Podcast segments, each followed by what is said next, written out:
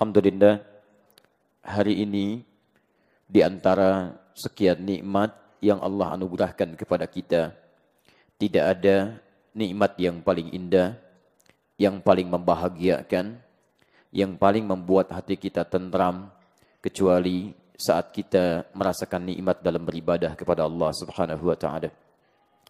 Saya dari sejak beranjak ke masjid ini melihat dan merenungkan serta membayangkan suasana pertama kali saya berangkat ke Tripoli.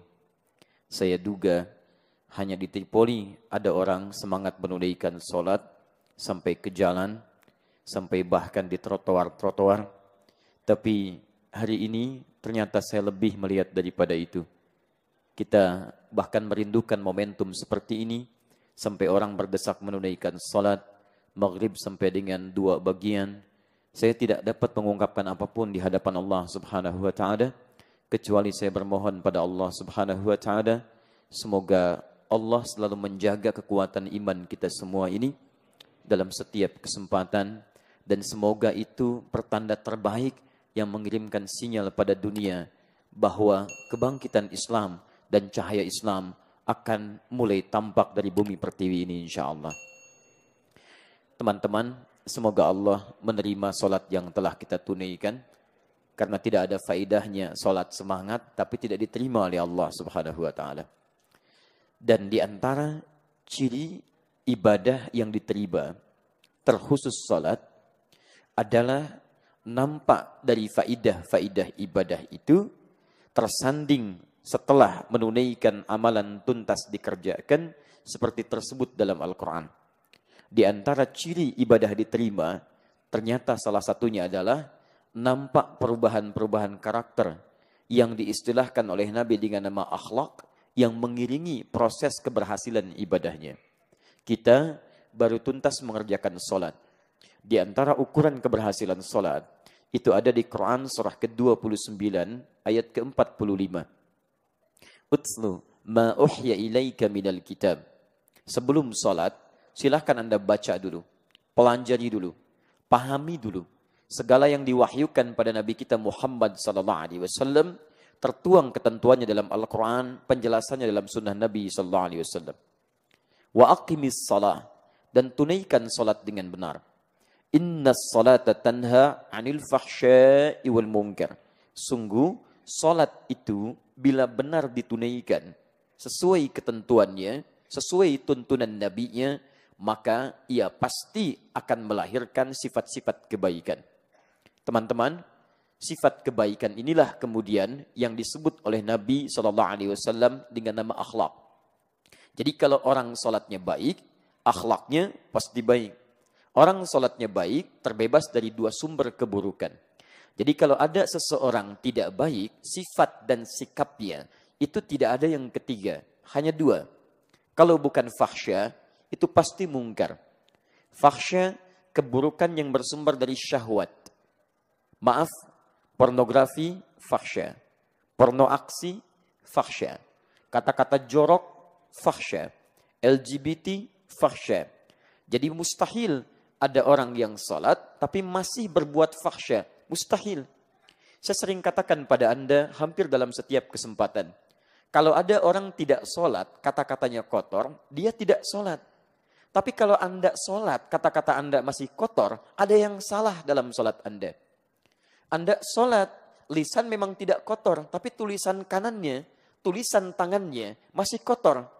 Saya sering katakan, maaf, jemari yang tahiyat, telunjuk yang mengerjakan tahiyat, tidak akan pernah tergerak untuk berbuat maksiat. Sama, lisan memang tidak berkata kotor, tangan tidak mengerjakan yang kotor, tapi pandangan hobi melihat yang tidak baik. Sama, ada yang salah dalam salatnya. Demikian pula mungkar. Mungkar perbuatan yang diingkari oleh hati. Jadi jika raga kita mengerjakan, hati kita menolaknya. Sumbernya nafsu perut dan akal. Bohong itu mungkar. Mencuri itu mungkar. Korupsi itu mungkar. Berselisih itu mungkar. Nabrak tiang itu mungkar. Bisa. Itu bila sengaja dilakukan. Tidak sengaja tidak ada masalah. Itu kecelakaan. Sudah fokus. Antum tertawa, kalau pikiran antum jelek, mungkar antum. Betul. Balik lagi. Sudah. Ah, teman-teman, jadi mustahil kalau ada orang sholat, berbuat mungkar itu mustahil. Kalau tidak sholat, mengerjakan mungkar, dia tidak sholat. Tapi antum sholat, berbuat mungkar ada yang salah. Karena itu kalau orang masih sholat, kemudian tubuhnya mengerjakan yang mungkar, pasti hatinya mengingkari. Tidak percaya silahkan cek. Lisan berkata yang kotor, dusta misalnya. Itu pasti hatinya tidak sepakat. Dari mana pah kemarin? Dari kantor Padahal misalnya main golf. Maka ketika lisan mengatakan dari kantor, itu hatinya akan mengingkari. Dusta. Bohong. Antum keluar dari sini, coba iseng-iseng pakai alas kaki teman yang lain. Pakai sendal orang lain. Begitu antum kenakan, hati anda akan menolaknya. Itu bukan punya kamu. Tinggalkan, ganti. Kembalikan pada milikmu. Itu mungkar. Jadi secara sederhana, seorang yang benar ibadahnya, berhasil diterima oleh Allah, maka salah satu ukurannya adalah jika ada akhlak melekat dalam setiap perilakunya. Untuk itulah pada malam ini penting kita bahas apa esensi akhlak itu, apa hakikat dari akhlak itu, apa definisi akhlak itu. Jangan-jangan selama ini kita hanya mengatakan akhlak, akhlak tapi kita tidak memahami apa itu akhlak. Dua, apa kemuliaan orang yang memiliki akhlak? Jangan-jangan kita tidak pernah mendalami satu hal bahwa yang cepat mengantarkan kita ke surga salah satunya adalah akhlak. Nanti kita lihat. Yang ketiga, bagaimana ukuran keberhasilan akhlak itu yang bisa dilihat dari perubahan orang-orang soleh terdahulu. Untuk itulah materi itu kita hadirkan di malam ini dengan harapan, dengan pelajaran itu mudah-mudahan ibadah kita diterima oleh Allah Subhanahu wa taala, pribadi kita berubah jadi baik dan cepat kita mengantarkan ke surga yang terbaik dengan izin Allah Subhanahu wa taala. Baik teman-teman, kita mulai bahasan kita. Saya punya waktu yang sangat terbatas sampai ke Isya kita akan berhenti. Jadi tolong fokus betul. Saya hanya punya waktu sampai Isya ya, sesi yang pertama. Setelah itu tunaikan salat Isya berjamaah, kita lanjutkan setelah Isya insyaallah. Baik. Kita mulai pertama di antara misi Rasulullah sallallahu alaihi wasallam yang kemudian diutus beliau dan ditugaskan oleh Allah untuk memberikan bimbingan-bimbingan kepada manusia maka di antara tugas utamanya adalah akhlak tidak sekedar ibadah tidak sekedar menguatkan akidah tapi di antara yang paling utama adalah akhlak Quran surah kedua Al-Baqarah ayat 151. Paling kanan sebelah bawah. Kama arsalna fikum rasulan minkum yatlu alaikum ayatina wa yuzakkikum. Sebagaimana kami telah utus bagi kalian rasul dari kalangan kalian yang kami berikan tugas. Satu, untuk menyampaikan, mengajarkan, memahamkan ayat-ayat kami. Kemudian yang kedua, wayuzakkikum dan membantu kalian untuk membersihkan jiwa-jiwa dari sifat-sifat yang kotor. Para pakar tafsir menyepakati yang dimaksud membersihkan jiwa dari sifat yang kotor adalah latihan untuk melahirkan akhlak yang sempurna. Nanti kita akan lihat dari mana taunya itu. Salah satunya dari turunan hadis-hadis Nabi Sallallahu Alaihi Wasallam. Agak cepat misalnya kalau antum punya al-arba'in. Hadis misalnya nomor yang ke-6. Sampai dengan nomor yang ke-10-nya. Turunan-turunannya menyebutkan dengan akhlak. Saya langsung ke ujung hadisnya. Ala inna fil jasadi mudghatan. Idza salahat salahal jasadu kullu wa idza fasadat fasadal jasadu kullu. Ala wahyal qalbu. Ketahuilah, yakinkanlah pada dirimu. Dalam jiwa manusia ada segumpal daging. Jika baik isinya, maka akan berpengaruh pada seluruh perbuatan anggota tubuhnya. Jadi kalau dari dalamnya bagus, masuk ke telinga, telinga hanya akan dengar yang bagus-bagus saja. Masuk ke mata, mata hanya akan melihat yang baik-baik saja. Masuk ke tangan, tangan hanya akan menyentuh yang baik-baik saja. Sampai ke ujung kakinya. Tapi wa idza fasadat fasadal jasadu kullu. Kalau buruk dalamnya tidak dibersihkan, tidak disucikan itu, maka fasadal jasadu kullu. Maka turunan-turunan yang lahir ke dalam jasad semua akan buruk. Masuk ke mata, mata yang tadinya menatap yang baik jadi tidak baik. Masuk ke lisan, lisan mulai berkata yang tidak elok. Masuk ke telinga, mulai mendengar pada yang tidak baik. Yang baik tertutup. Wa fi adhanihim waqra. Quran surah ke-6 ayat ke-25. Yang tidak baik cepat. Masuk ke mata, yang baik-baik tertutup. Quran surah kedua, ayat yang ketujuh. Wa ala abasarihim ghisyawah. Tapi yang tidak baik, gampang. Masuk ke kaki, yang baik susah melangkah. Yang buruk-buruk, mudah kemudian dilangkahkan.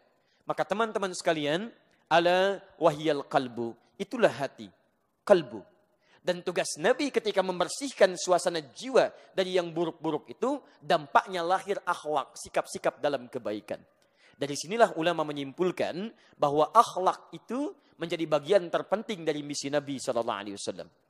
Saking pentingnya misi ini, bahkan sebelum Nabi dilahirkan, dua orang Nabi dan Rasul yang jauh sebelum Nabi Shallallahu Alaihi Wasallam dilahirkan, bahkan 29 sampai 30 generasi sebelum kelahiran Nabi Muhammad SAW sudah memohon kepada Allah jika diutus Rasul ini maka di antara misi yang dibawa adalah akhlak.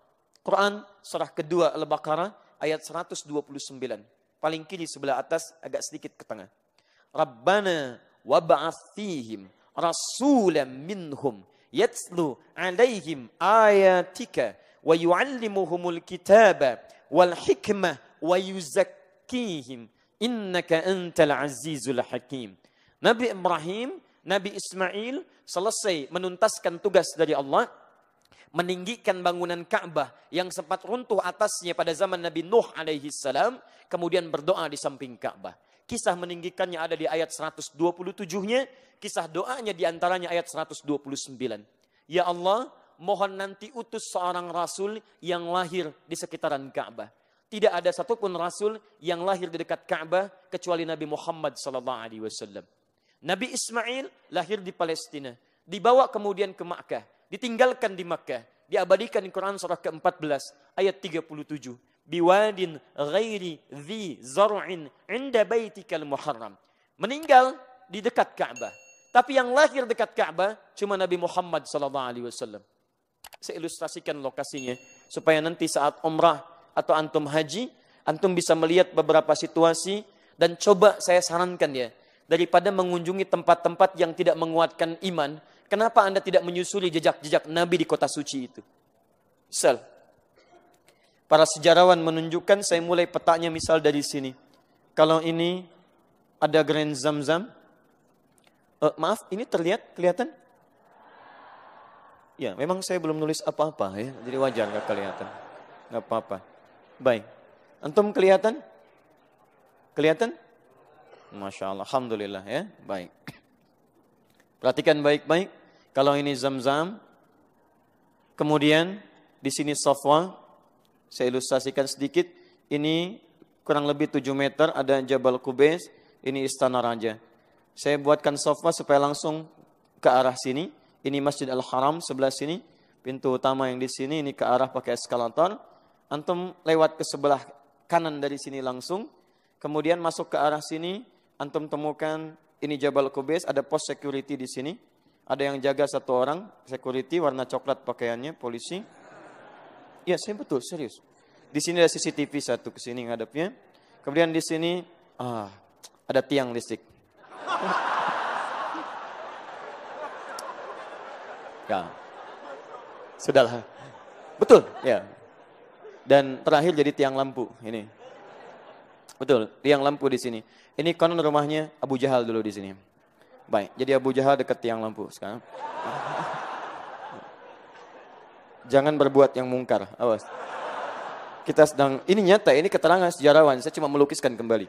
Kemudian ke sebelah sini, teman-teman sekalian, ini kurang lebih ada 100 meter, ini tempat ngambil air zam-zam yang menggunakan jirigen. Jadi kalau Anda kehausan atau ingin bawa zam-zam agak banyak ke hotel, antum jangan ngambil dekat-dekat masjid ke sebelah sini.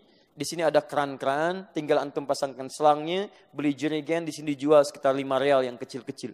Antum masukkan ke situ, bawa kemudian ke hotel. Ini lebih banyak persediaannya. Di sampingnya persis di sini ada Al-Maktabah Kadimah. Perpustakaan yang sekarang disebut dengan museum lama. Warnanya kalau kita lihat di sini krem ya. Antum temukan bangunan ini, ini diduga sebagai tempat dilahirkannya Nabi Shallallahu Alaihi Wasallam. Tarik garis lurus ke sini. Ya, ini ada bukit di sini, terbit matahari dari sini. Kalau bersinar, arahnya sinarnya ke sini langsung. Ya kami pernah ambil sinarnya ke sini, kemudian ke pelataran haram, turun ke sini, ini masuk ada eskalator di sini, sini ada tangga, ini ada dua penjaga, ini kursi warna coklat, kursi warna merah di sini. Yang di sini jaga pakai jubah warna putih. Turun ke sini, ini pintu babu salam namanya. Dari babu salam antum masuk, ini sunnahnya dari sini ketika akan tawaf. Karena tembus dari sini, langsung ke sofa, langsung ke Ka'bah. Ka'bahnya posisinya Hajar Aswad di sini. Lihat baik-baik. Nabi Ibrahim, Nabi Ismail alaihi wassalam berdoa kepada Allah, moga dilahirkan seorang rasul yang lahirnya dekat Ka'bah. Tidak ada satupun nabi dan rasul lahir dekat Ka'bah kecuali Nabi Muhammad sallallahu alaihi wasallam. Dan setelah beliau meninggikan bangunan Ka'bah itu, berdoa langsung di samping Ka'bah bukan sekedar mengharapkan nabi lahir, tapi menunjuk langsung misi-misi kerasulannya. Di antaranya akhlak wa yuzakkihim. Kapan doa itu dipanjatkan? 29 generasi sebelum kelahiran Nabi Muhammad sallallahu alaihi wasallam. Sampai ke Nabi Ismail. Muhammad sallallahu alaihi wasallam bin Abdullah bin Abdul Muttalib bin Hashim bin Abdul Manaf bin Qusay bin Murrah bin Kilab bin Ka'ab bin Ghalib bin Fihr bin Malik bin Nadar bin Kinana bin Khuzaimah bin Mudrikah bin Ilyas alaihi salam bin Nizar bin Mudar bin Ma'ad bin Adnan bin Addi bin Adri bin Muqawwam bin Nahur bin Tarikh bin Ya'rub bin Yasjub bin Nabit bin Ismail alaihi salam bin Ibrahim alaihi salam. 30 generasi sampai Nabi Ibrahim alaihi salam. Anda bisa bayangkan kalau akhlak tidak penting, mustahil dua nabi ini mendoakannya. Kalau tidak penting. Dan kalaulah itu kemudian, sekalipun didoakan dua nabi, dan bukan menjadi misi utama, mustahil Allah mengabulkannya. Dan hebatnya, empat dimohonkan, lima yang dikabulkan. Mintanya empat, yatslu alaihim ayatika. Satu, wa yu'allimukumul kitab. Dua, wa yu'allimukumul kitab wal hikmah. Tiga, wa yuzakkihim. Empat, innaka antal azizul hakim. Empat permintaan. Dikabulkan jadi lima. Kama arsalna fikum rasulan minkum. Sebagaimana kami telah utus sekarang seorang rasul dari kalangan kalian. Dikabulkan pada masa Nabi Muhammad SAW. Yatslu alaikum ayatina. Satu. Wa yuzakkikum. Dua. Wa yu'allimukumul kitaba. Tiga. Wal hikmah. Empat. Wa yu'allimukum ma lam takunu ta'lamun. Lima. Keutamaan Nabi Muhammad SAW. Nabi berdoa empat, dikabulkan lima. Nabi Musa, antum kenal Nabi Musa?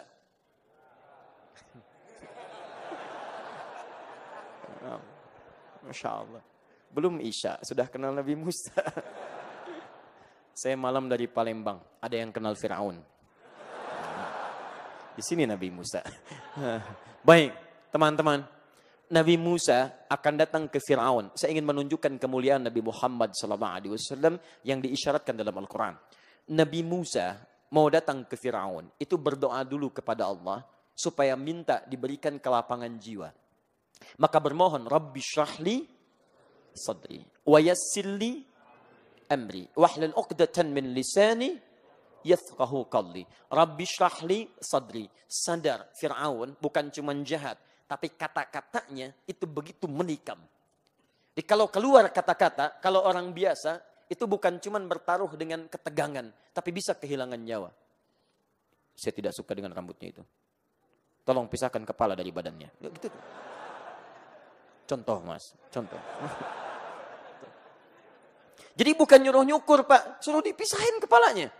Bersyukur antum tidak hidup di zaman Fir'aun itu. Ya. Dipisahkan. Nah ini kalau kalimat-kalimat Fir'aun datang Musa sampai mencela, kalau Musanya tidak sabar, itu bisa bahaya. Cukup bagi Nabi Musa berdoa kepada Allah dan dikabulkan doanya. Ya Allah ini manusia paling menyebalkan semuka bumi. Tolong wafatkan sekarang juga. Wafatkan. Begitu minta diwafatkan. Selesai dakwah. Cuman tidak ada contoh bagi kita sampai hari ini tentang orang durhaka yang paling dahsyat di muka bumi. Nah, teman-teman sekalian, Karena itulah Nabi Musa bermohon kepada Allah supaya hatinya dilapangkan. Rabbi syrahli sadri wa yassirli amri. Nabi Musa meminta, Allah mengabulkan. Nabi Muhammad sallallahu alaihi wasallam tidak meminta, Allah langsung memberikan. Nabi Musa minta Rabbi syrahli sadri. Nabi Muhammad alam nashrah laka sadrak. Rabbi syrahli sadri. Alam nashrah laka sadrak. Nabi Musa minta wa yassirli amri, mudahkan urusanku. Nabi Muhammad sallallahu alaihi wasallam wa nuyassiruka lil yusra. Maka kamu akan bimbing, kami akan bimbing engkau semudah-mudahnya dalam jalan dakwah. Musa dilempar dengan kata-kata oleh Firaun memohon kepada Allah. Nabi Muhammad dilempar oleh dengan batu oleh orang Taif masih berdoa kepada Allah. Doanya bukan minta azab. Ya Rabb ilahi ila man takiluni أإلى قريب يؤذيني أم إلى بعيد يؤلمني فأنا راض يا ربي ما لم تغضب إلي لا حول ولا قوة إلا بالله Ya Rab, saya tidak tahu setelah ini. Kemana lagi engkau antar-antarkan aku menyampaikan risalah? Akankah ke tempat yang dekat dan aku akan dilempari lagi? Atau ke tempat yang jauh dan aku kemudian akan disakiti kembali? Saya ridha dengan itu semua ya Rab. Saya menerima sepanjang engkau tidak marah kepada saya. La haula wa la quwata illa billah. Dan memohon kepada Allah. Mohon jangan hukum penduduk Taif ya Rab. Dan saya mohon keluarkan nanti dari Taif ini pria-pria, wanita-wanita, pemuda-pemuda, anak-anak yang beriman kepadamu ya Rabbal Alamin. Mengucapkan asyhadu an la ilaha illallah wa asyhadu anna Muhammad Rasulullah. Muhammad sallallahu alaihi wasallam kemuliaannya diisyaratkan oleh Al-Quran. Misinya disebutkan oleh dua nabi. Dan akhlaknya dimintakan oleh dua nabi sekaligus untuk dibawa disampaikan pada umatnya. Kalau akhlak tidak penting, mustahil dua nabi memohonkannya. Kalau akhlak tidak penting, mustahil Allah mengabulkannya. Dan kalau akhlak tidak penting, mustahil urutannya bisa ditukar. Nabi Ibrahim, Nabi Ismail minta akhlak urutan nomor empat. Setelah Al-Quran, kemudian hadis, kemudian hikmah, kemudian akhlak. Tapi Allah berkehendak lain. Dikabulkan akhlak menempati urutan nomor dua setelah Al-Quran. Kama arsalna fikum rasulan minkum yatslu alaikum ayatina Al-Quran wa yuzakkikum akhlak. Teman-teman sekalian, ini menunjukkan ada keistimewaan dalam akhlak. Satu. Dua, apa pentingnya akhlak itu dengan itu semua banyak dilukiskan esensinya dalam Al-Quran. Ternyata satu, maaf, mohon izin, disebutkan dalam isyarat Nabi Wasallam bahwa akhlak di antara keutamaannya Al-Bukhari nomor hadis 3549. Perhatikan baik-baik kalimatnya. Inna min ahabbakum ilayya ahsanukum khuluqa. Sungguh, di antara yang paling dicintai olehku, di antara kalian umatku, adalah orang yang terbaik akhlaknya. Satu, akhlak disebut oleh Nabi Shallallahu Alaihi Wasallam di antara ciri umat yang sangat dicintai oleh Nabi Shallallahu Alaihi Wasallam. Keistimewaan akhlak dapat meraih cinta Nabi. Sudah pasti orang yang dicintai oleh Nabi Shallallahu Alaihi Wasallam pasti dicintai oleh Allah Subhanahu wa taala.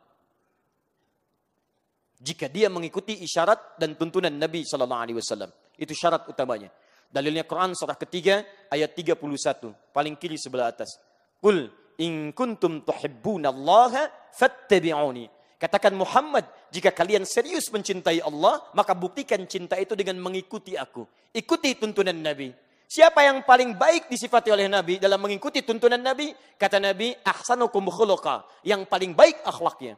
Jadi Anda kalau merasa pengikut Nabi, merasa mencintai Nabi, merasa mengikuti sunnah Nabi, tidak sekedar mengikuti Nabi dalam ibadahnya. Salatnya ikut Nabi. Puasanya ikut Nabi. Baca Al-Qurannya ikut Nabi. Tapi akhlaknya jauh dari Nabi SAW, Anda tidak mendapatkan cinta Nabi SAW. Jika seseorang mengikuti Nabi, mendapatkan cinta Nabi, maka apa kata Al-Quran? Yuhbibkumullah. Maka Allah akan cintai anda. Satu, mendapatkan cinta Nabi sekaligus mendapatkan cinta Allah subhanahu wa ta'ala. Dua, Masya Allah. Antum dicintai pasangan hidup saja, senangnya luar biasa. Kenapa antum tidak mengharapkan dicintai Rasulullah Sallallahu Alaihi Wasallam? Suami dicintai istrinya, bahagia. Anak dicintai orang tuanya, bahagia. Orang tua dicintai anaknya, gembira. Kenapa antum tidak merasa ingin dicintai oleh Rasulullah Sallallahu Alaihi Wasallam yang memikirkan antum dengan segenap jiwa dan raganya? Dan cinta, ingat, itu butuh pembuktian. Antum mencintai pasangan antum, mesti ada bukti. Sayang, namamu selalu tertulis di hatiku. Masya Allah. Maaf akhi, jangan tulis di hatimu, tulis di buku nikah. Bukti. Bukti. Jadi kalau cuma bicara tidak ada pembuktian dalam pernikahan, itu bukan cinta hakikat sesungguhnya. Kata orang itu cinta monyet. Salah, karena monyet pun tidak pernah melakukan itu. Jangan karena antum berbuat hewan yang disalahkan.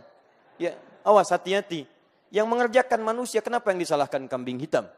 Yang keluyuran malam-malam perempuan disalahkan kupu-kupu. Yang nyari-nyari laki-laki disalahkan kelinci dan sebagainya. Buaya lagi, ya. Ini. Jadi Anda mengatakan saya cinta Nabi, saya ikut sunnah, saya cinta Nabi. Mana buktinya? Jika akhlak Anda tidak seperti apa yang Nabi inginkan, maka pembuktian Anda di sini tidak sesuai dengan ketentuan Nabi Shallallahu Alaihi Wasallam. Jelas sampai sini? Taib. Dua. Pelan-pelan. Kita pakai dalil saja dulu ya. Hadis riwayat At-Tirmidzi. Nomor hadis 1162. At-Tirmidzi ini nama aslinya Muhammad tumbuh dan wafat di kota Tirmidz. Makanya dikenal dengan At-Tirmidzi. Ya, orangnya saleh, hafal Al-Quran, hafal banyak hadis, membuat kitab hadis juga, ya, Sunan At-Tirmidzi atau dikenal di zaman Jami At-Tirmidzi. Tahukah antum? Beliau di masa sepuhnya buta matanya. Masa sepuhnya. Sampai buta kemudian masih bermohon kepada Allah berdoa. Ditanya oleh koleganya, "Ya Syekh lima hakadha?" Kenapa Anda sampai menangis seperti ini, sampai buta matanya? Jadi buta mata itu karena banyak menangis berdoa. Apa kata Imam At-Tirmidzi? Laqad khasyitu. Laqad khasyitu. Lau tawaffani rabbil an. Saya takut sekali. Kalau diwafatkan oleh Rabbku pada saat ini, masih kurang bekalku di hadapan Allah subhanahu wa ta'ala. Anda bisa bayangkan, imam besar, ahli Quran, ahli hadis, ahli tahajud, ahli siam, mengarang kitab hadis, banyak pahalanya insya Allah, tapi di akhir hidupnya masih menangisi dirinya sampai buta matanya karena takut bekalnya masih kurang di hadapan Allah Subhanahu wa taala. Coba antum cek. Antum imam besar juga bukan, jadi makmum kadang-kadang, Quran bukan ahlinya, hadis juga belum dihafalkan sepenuhnya. Silahkan cek. Di hadapan Allah seperti apa antum? Beliau menangis sampai buta. Antum masih bisa melihat, kenapa tidak pernah digunakan penglihatan pada yang baik-baik?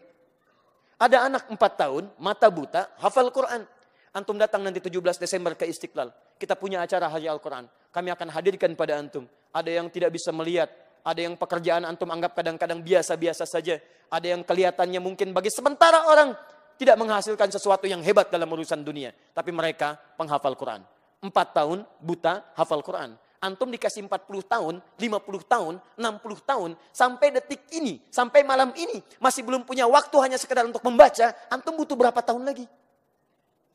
Karena itulah kemudian, setidaknya kalau Anda belum mampu meningkatkan kesolehan, berlomba dengan orang soleh meningkatkan kebaikan, seyogianya saya ingatkan antum, segeralah berlomba dengan para pendosa untuk beristighfar dan bertobat kepada Allah subhanahu wa ta'ala.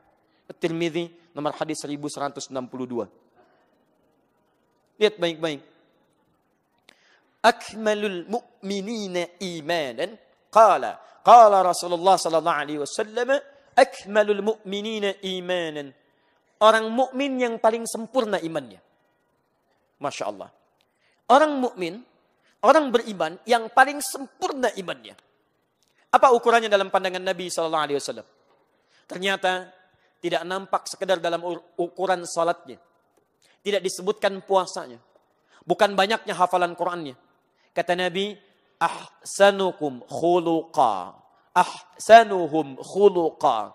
Ternyata orang mukmin yang paling sempurna imannya kata Nabi sallallahu alaihi wasallam adalah orang yang paling mulia akhlaknya. Akhlak. Akhlak menunjukkan sempurna iman. Masya Allah. Jadi kalau antum salatnya bagus, bacaannya bagus, hafalan Qurannya banyak, tapi maaf, sisi yang ini kemudian kosong, maka di situ menunjukkan imannya masih belum sempurna dalam ukuran Nabi Shallallahu Alaihi Wasallam. Hadis Muslim nomor hadis 5611. Maaf, ini hadisnya populer tentang muflis. Yati yaumal qiyamati bi salatin. Datang orang di hari kiamat dengan pahala salat yang banyak. Wasiyamin, puasanya rajin. Wa zakatin, zakatnya tidak tertunda. Maaf, wa yati qad syatama hadha. Cuman sayang, dia pun membawa banyak dosa pernah mencaci si fulan. Wa qadhafa hadha, senangnya menuduh si fulan. Wa akala mala hadha, mengambil hak orang lain tanpa dibenarkan. Wa daraba hadha, senangnya berselisih, kadang-kadang secara fisik Wasafaka dama hadha. Bahkan ada yang menumpahkan darah, menyebutkan nama Allah di dalamnya. Tembak orang, bini orang, pukul orang, sebutkan nama Allah di dalamnya. Allahu Akbar. Apa yang terjadi? Perhatikan baik-baik. Tu'khadhu min hasanatihi wa min hasanatihi. Kalau ada orang berbuat kebaikan, dia sholat, kemudian setelah itu dia mencela orang lain, maka pahala sholatnya dipindahkan langsung pada yang dicelanya. Seketika. Saya tidak Ustaz, Alhamdulillah. Tidak seperti itu tuh yang di luar. Tuh sama. Sama. Pindah. Tu'khadhu hadha min hasanati wa min hasanati. Diambil terus, diambil terus. Fa in faniyat hasanatuhu, kalau habis keburukannya, habis kebaikannya yang ini, kemudian tersisa keburukannya. Jadi kebaikan modal sudah tidak ada, keburukan masih ada. Contoh, pernah berdusta pada orang lain misal. Maka apa kemudian yang terjadi? Diambil keburukan dosa orang tadi ditimpakan kepadanya. Faturi hafinar. Maka dilemparkan ke dalam neraka. Karena itu selalu ketakwaan dalam pengertian ibadah ritual akan bersanding kebaikan takwa dalam wujud ibadah-ibadah berbentuk akhlak.